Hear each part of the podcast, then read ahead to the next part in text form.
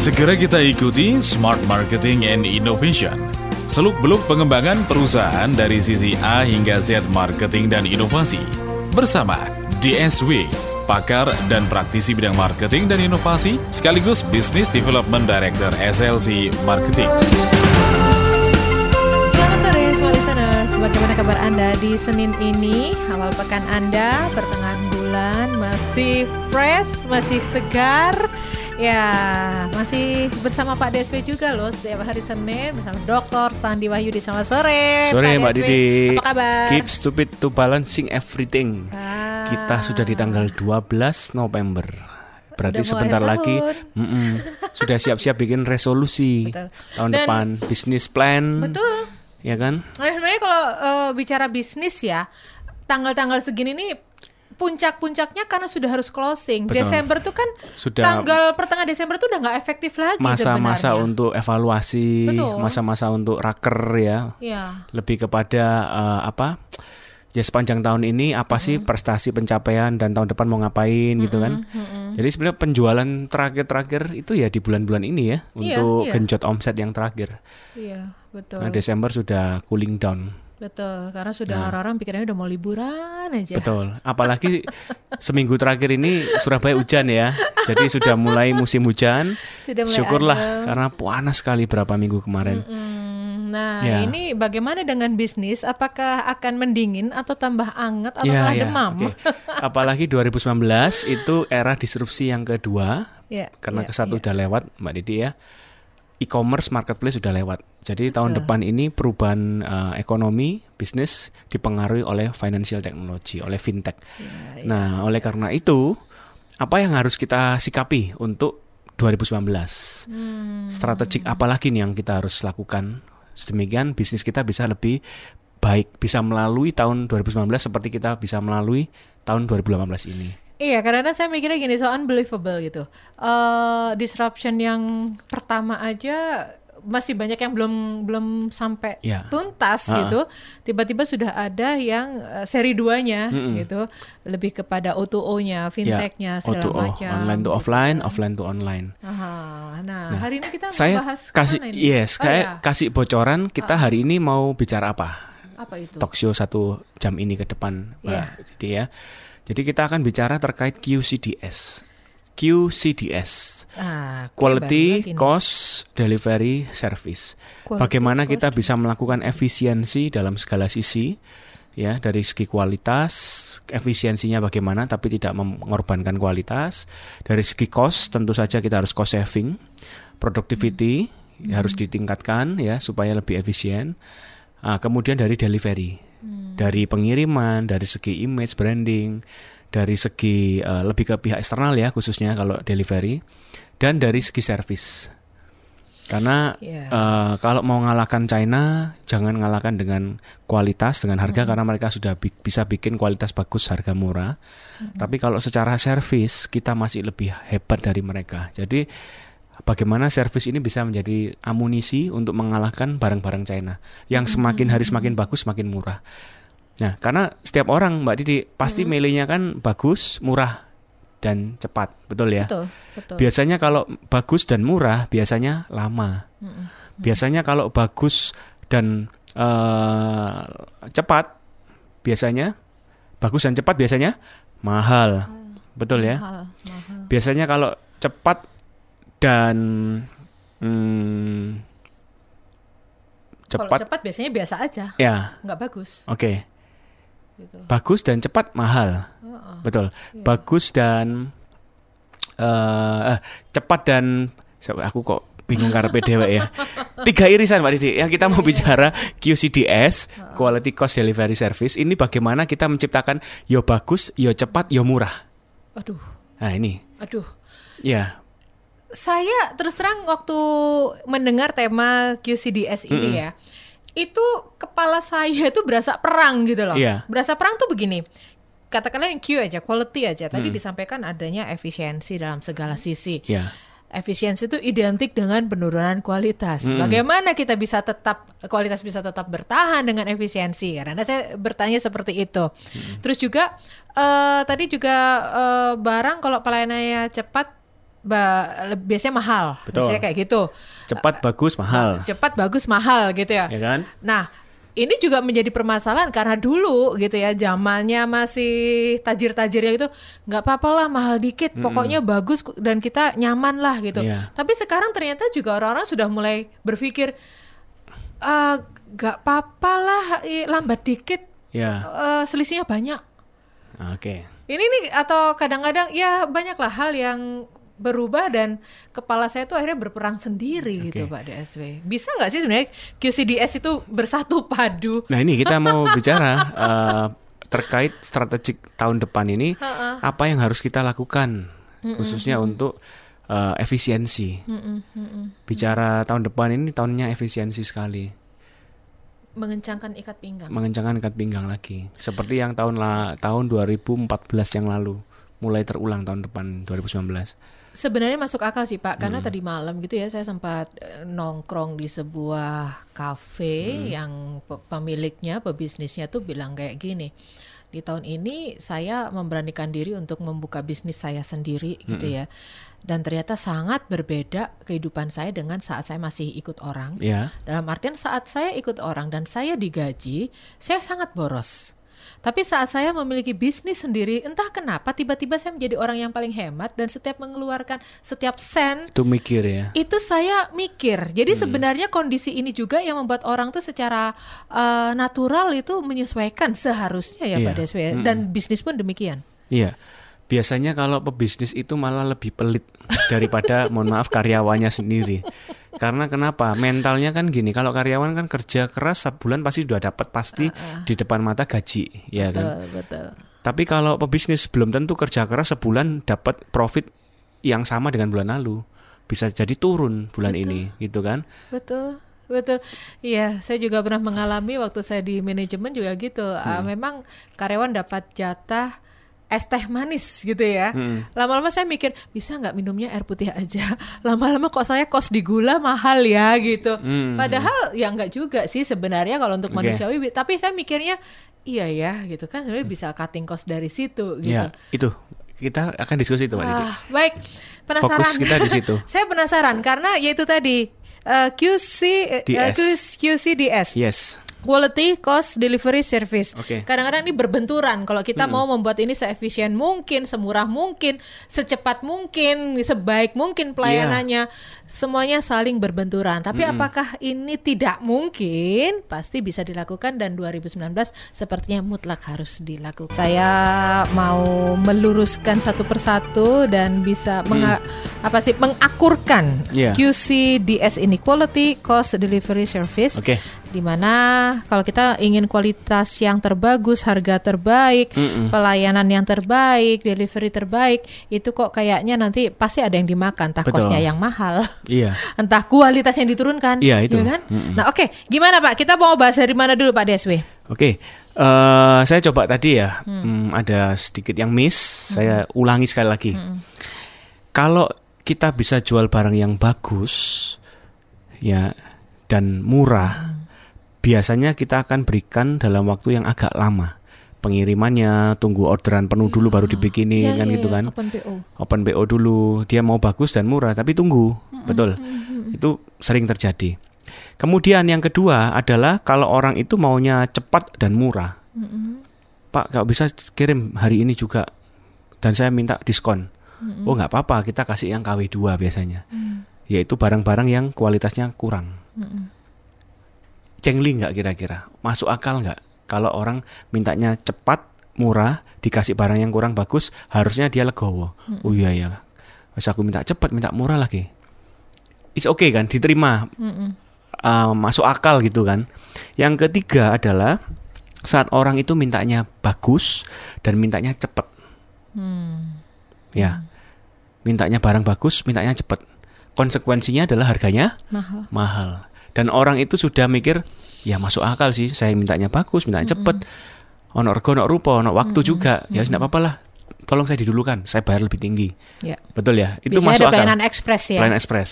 Oke nggak kalau itu Mbak Dide? Masuk akal Oke, sih. oke. Tapi sekarang ini era disrupsi kedua, orang itu mintanya ya bagus, ya murah, ya cepat. karena apa? Sudah banyak sekali aplikasi marketplace yang bisa kirim tanpa ongkir. Mm-mm. Kalau nggak cocok bisa dikembalikan. Kalau ada komplain rusak bisa diganti tanpa biaya Betul. dan kirimnya cepet, barangnya Iya. pun bagus. Oh, oh, betul. Nah ini marketplace ini merusak sebetulnya. Itu uh, disrupsi jilid pertama. Mm-mm, mm-mm. Jilid kedua tahun depan lebih ke pembayarannya.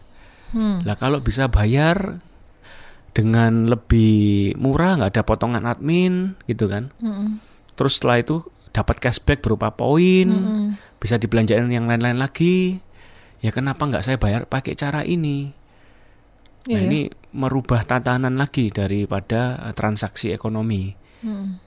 Jadi itu yang bakal terjadi. Makanya bagaimana kita bisa menyikapi tahun depan? Ya sudah maksimalkan QCDS kita. Ya, quality cost delivery service. Kita berangkat dari yang quality dulu ya, Mbak Oke. Didi ya. Siap. Tahun depan apakah kualitas harus saya kurangi? Gitu kan. Hmm. Kalau memang kita ini punya image yang bagus sejauh ini, ya nggak apa-apa. Tapi d- bukan dengan brand yang kita punya. kita Second bikin line ya. second line, second brandnya, menyikapi market yang pasti banyak perubahan lagi. Jadi siap-siap aja bikin KW2-nya secara quality. Tapi image market adalah Anda tetap eh, istilahnya brand awalnya itu nggak downgrade gitu loh. Strategi ini sebenarnya sudah lama dilakukan oleh para perancang busana ya. Mm-mm. Dia tuh kan avant-garde kayak gitu, tapi dia tahu kalau avant-garde gini memang mahal banget gitu. Profit marginnya tinggi sekali, tapi ini kan karya seni. Sementara saya untuk cash flow harus harus jual retail. Ya, Akhirnya mereka menciptakan brand-brand yang beberapa brand cukup banyak dan mereka hidup dari situ. ya. Itu tapi nggak merusak image yang awal kan? Enggak. Nah, oke. Macam gini. Jam tangan juga ah, handphone Mm-mm.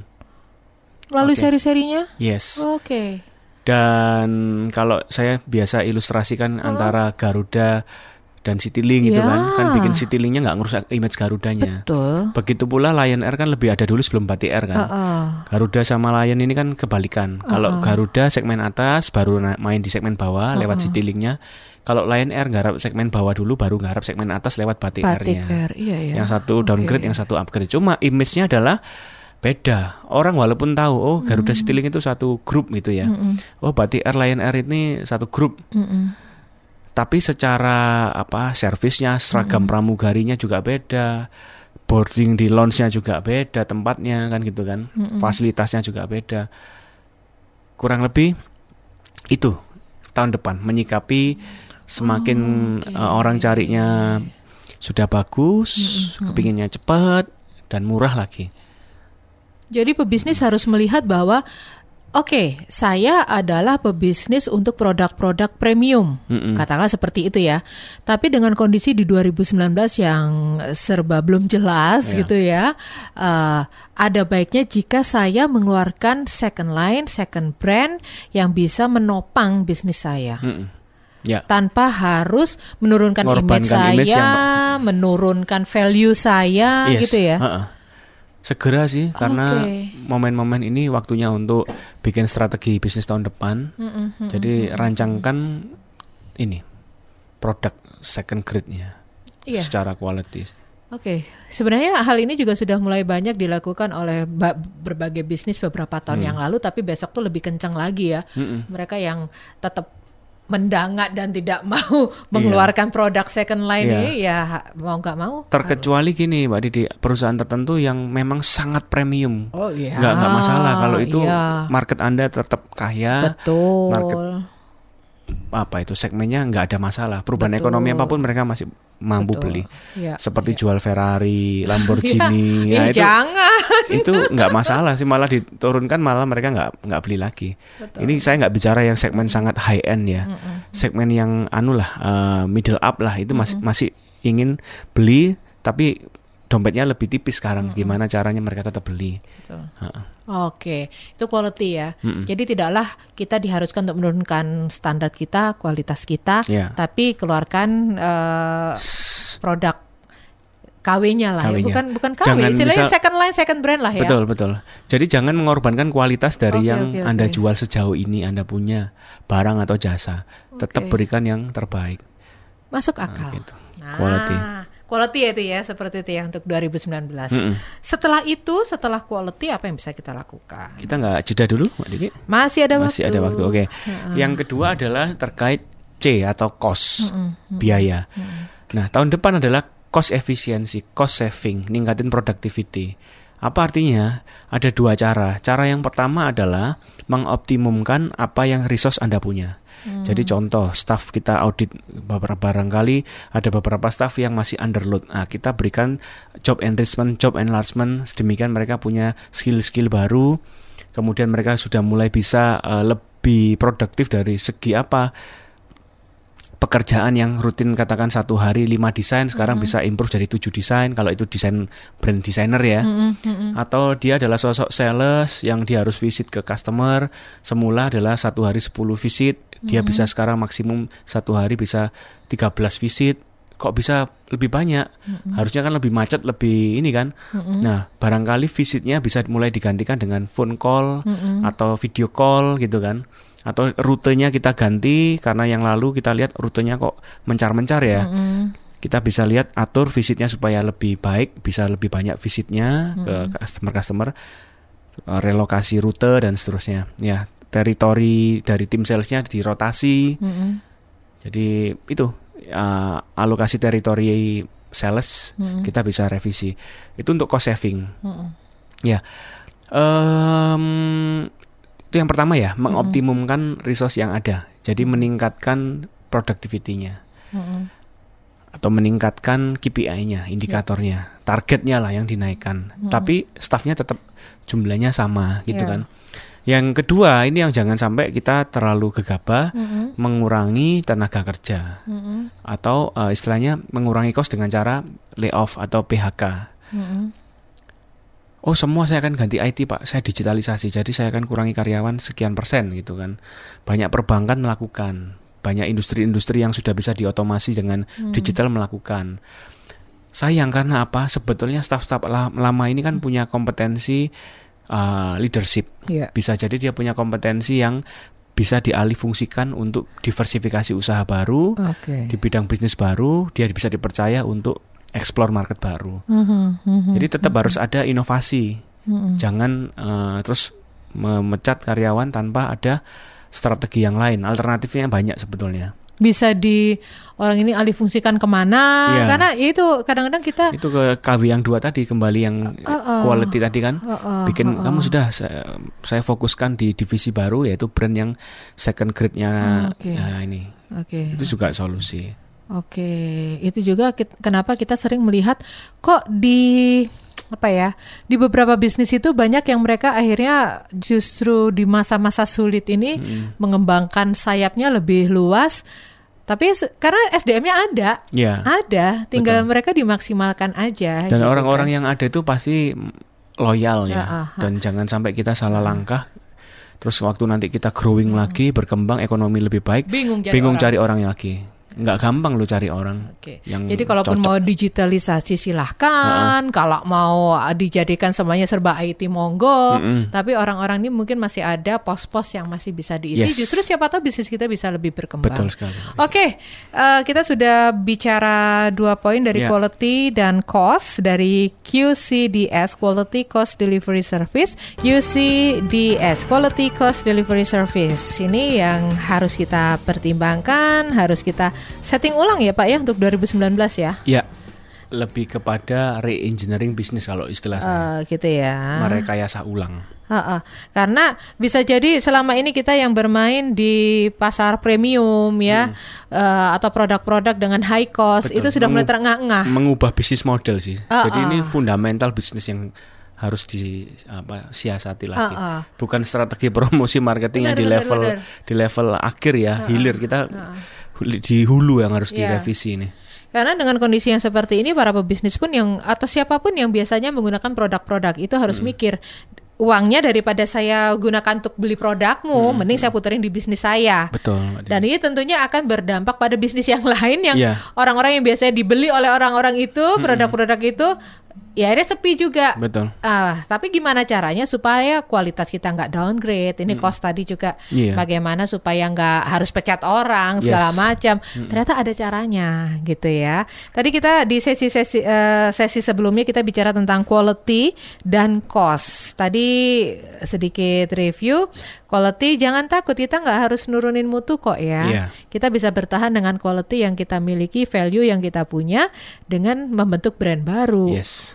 yang mungkin memang eh, produknya tidak sepremium produk kita yang awal. Betul sekali, Gitu kan. Ini lumayan lah untuk cash flow ya, Pak.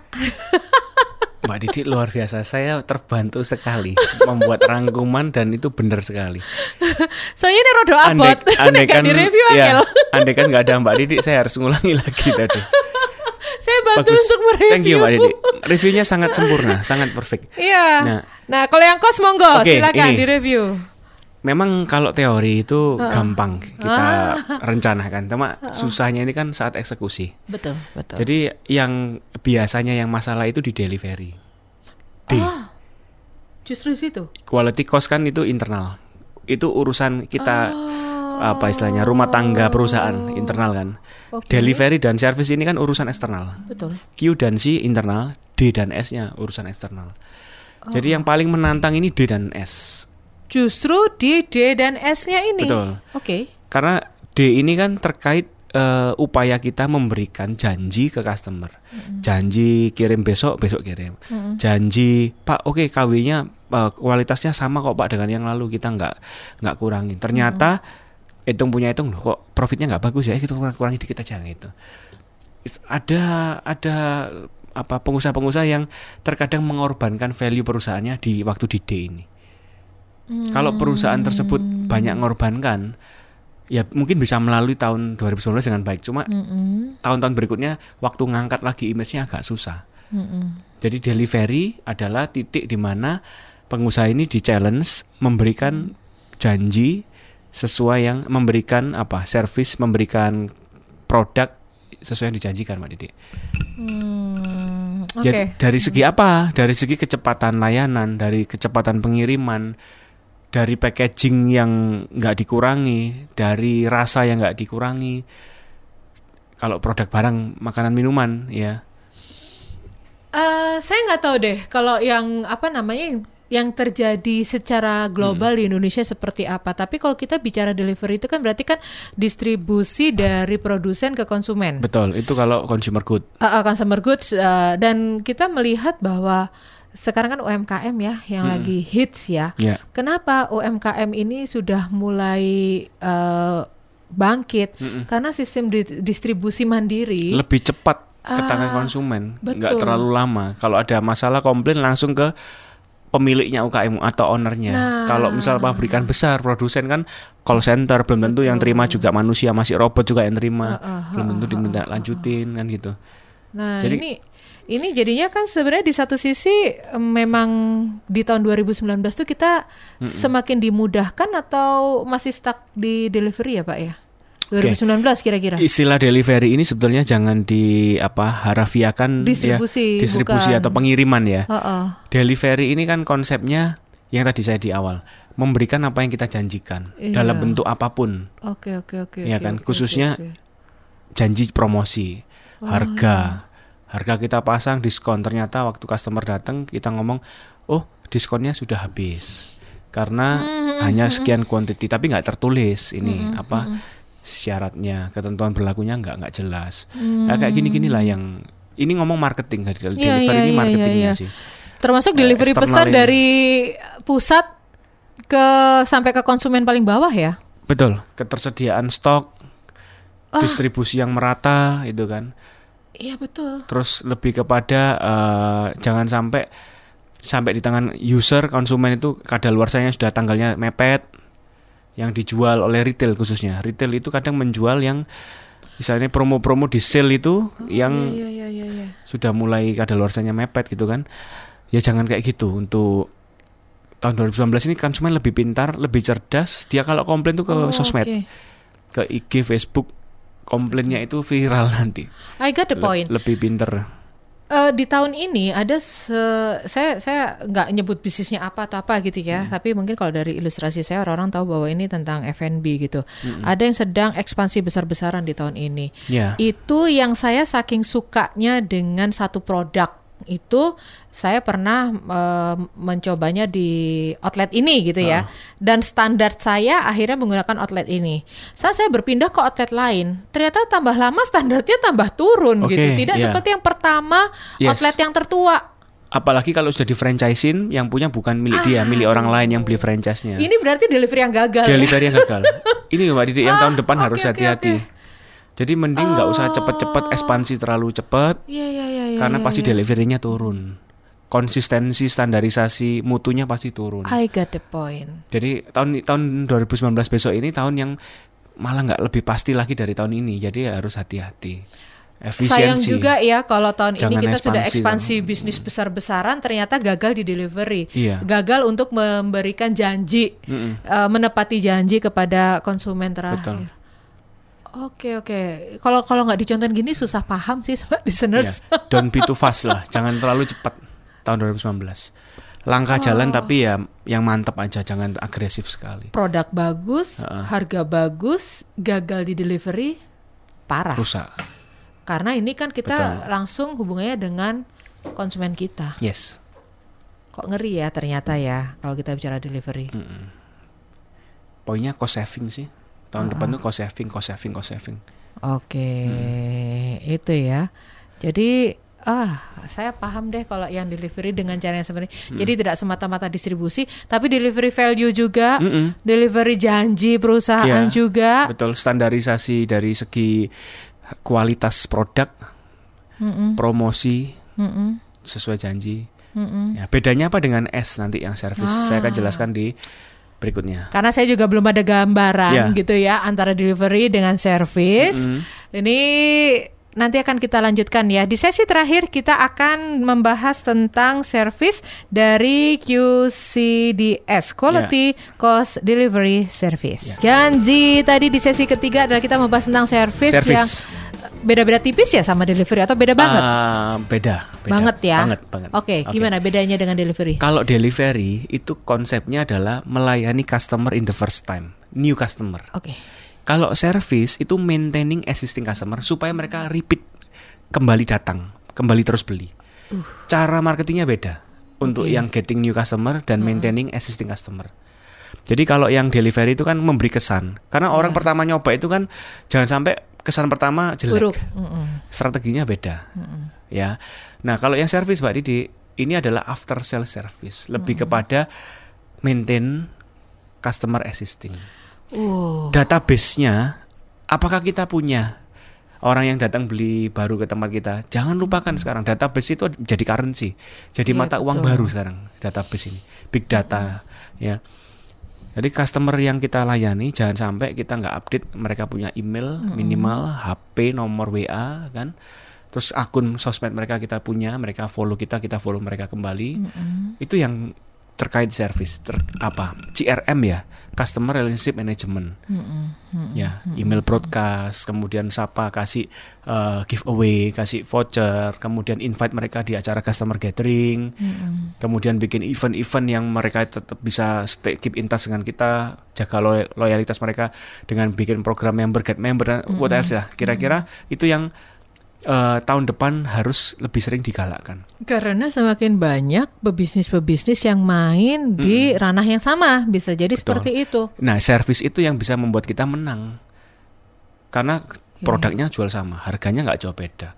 Karyawannya nggak nggak jauh beda pinternya misalnya. Apalagi ya kita punya program-program loyalty yang ngikat service ke customer yang existing ini lebih kuat ketimbang pesaing. Nah, kalau pesaing melakukan hal yang sama gimana? Ya lakukan yang ide yang gila. Ya, barusan Turkish Airli- Airline ya. eh, airline punya Turki. Bikin golf di pantai Oh, yang namanya padang golf itu selalu tidak di pantai. uh-uh. Masalahnya itu bikin cem apa competition ya. Uh-uh. Eh, memasukkan bola golf. Pertama shotnya itu adalah di tepi pantai. Goalnya, hole-nya itu di kapal yang sedang ada mengapung di atas pantai. Hole-nya. Bayangkan berarti kan bola ini harus nyeberangi air ya. Oh itu luar biasa loh. Bikin ide kalau lomba kompetisi golf di padang golf udah biasa. Bikin yang anti mainstream sekali kan gitu ya. Biayanya lebih murah loh. nggak usah sewa padang golf. Karena di tepi seru pantai kan milik bersama milik rakyat. Tingkat kesulitan tinggi, Tingkat tinggi. baru Nah, kan. Bang. Oh iya iya. luar iya, biasa iya. ini di YouTube ada bisa dilihat. Oke, nah, oke, oke, event-event oke, event-event gathering atau event-event kompetisi untuk loyal customer yang kreatif, yang cukup unik dan memorable itu yang perlu digarap tahun-tahun depan.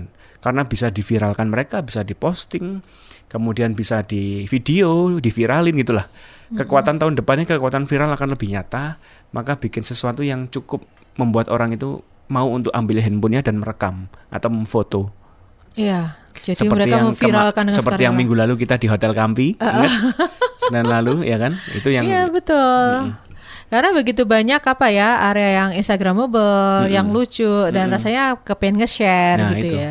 itu Iya. konsep bagus tuh Hotel Kampi itu Iya iya iya. untuk milenial. Saya kasih bocoran ya. Nah. Kan waktu talk show itu kan ada banyak kejutan gitu ya. Ya terkejut pesan nasi rawon nasinya mana? Ternyata ditaruh dalam muk, muknya ditutup. iya. itu yang menurut saya wow kan gitu ya. Langsung, ya Surprise, kaget surprise, beneran. terus kita foto kan. Melihat wajah-wajah kebingungan ini nasinya mana Oh, iya. sih? Katanya di dalam muk. Dan muknya ditutup kan nggak tahu. Saya kira kan air.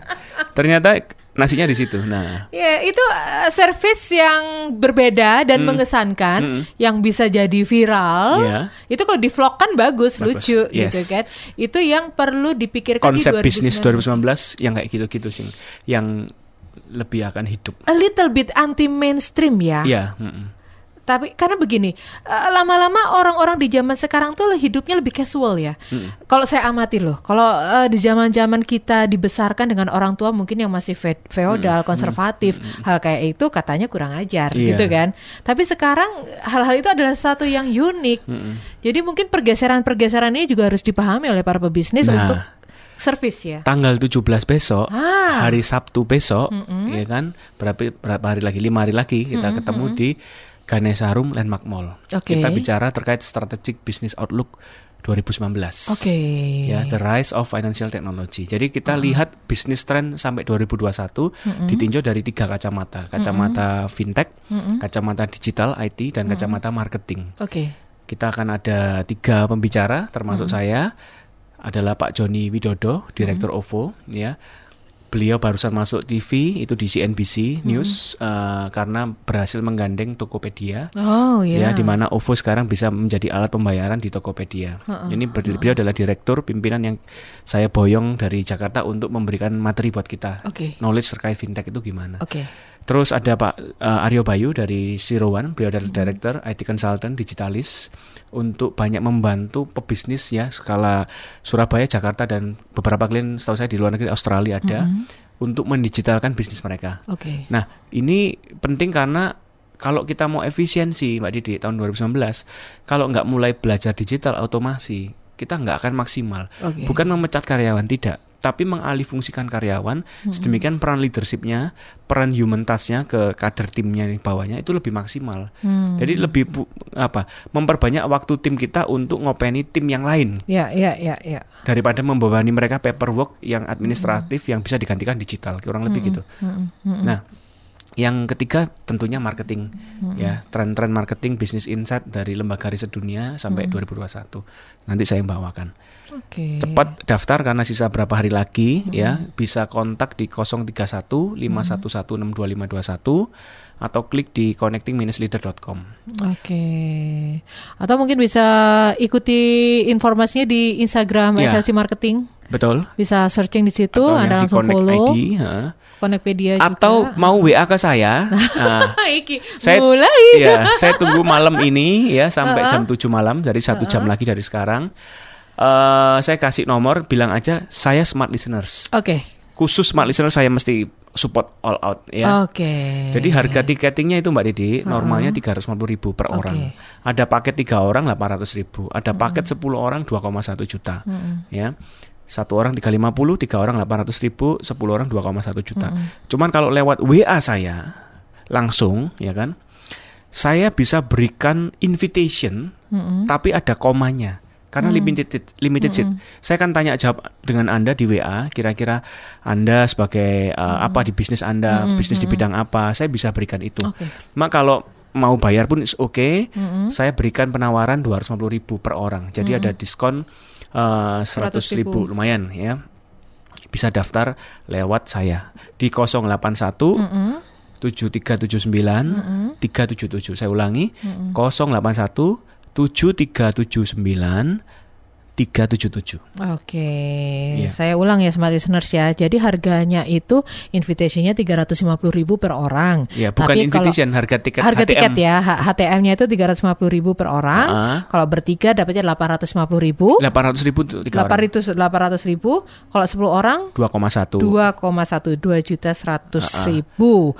Berarti cuma 210 ya kalau bersepuluh ya. Ya, makanya. Oke, tapi kalau Anda langsung. WhatsApp ke Pak DSW di Hanya? 081 7379 377 harganya cuma 250 ribu per Ya. orang. Tapi saya bisa kasih invitation free apabila kita ada interaksi di WA. Oh, saya akan coba gali Anda dulu tapi. Siap. Hmm, Ya. Jadi siapa tahu Anda beruntung bisa datang ke acara ini dengan invitation yang ah, dengan invitation ya yang Ya. yang yang free ya. Ya. Nah, ini tergantung keberuntungan Anda dan seberapa Yes. kritis Anda berdiskusi dengan Pak DSW. Interaksi pastinya kita tanyakan QCDS itu apa? Tahun 2019 ini kira-kira trennya apa ya? Yang Ya, yang Anda ya, dengar ya, lah ya. satu jam ini kan kita Betul, talk show kan? Betul. Jadi untuk Anda yang masih belum ada bayangan eh, bisnis di 2019 ini seperti apa, eh, Anda langsung saja mendaftar di acara besok tanggal 17 November 2019. Acaranya mulai jam 17 November 2018. eh 2018. Acaranya mulai jam Jam 1 hingga jam 4 sore. Jam 1 sampai jam hari 4 sore. Sabtu ya di Oke. Ganesarum Landmark Mall lantai 3 sebelahnya Ah. Naf Karaoke. Oke. Ya, udah siap ya untuk WhatsApp Pak DSW ditunggu. Sekarang waktunya kami pamit dulu. Saya Didi Cahya. Dan Only Marketing Can Drive Innovation saya DSW Dr. Sandi Wayudi Hanya hanya, untuk untuk Smart, Smart FM. Demikian telah kita ikuti Smart Marketing and Innovation. Seluk-beluk pengembangan perusahaan dari sisi A hingga Z marketing dan inovasi bersama DSW, pakar dan praktisi bidang marketing dan inovasi sekaligus Business Development Director SLC Marketing. Ikuti inspirasinya setiap hari hanya di 889 Smart FM Surabaya.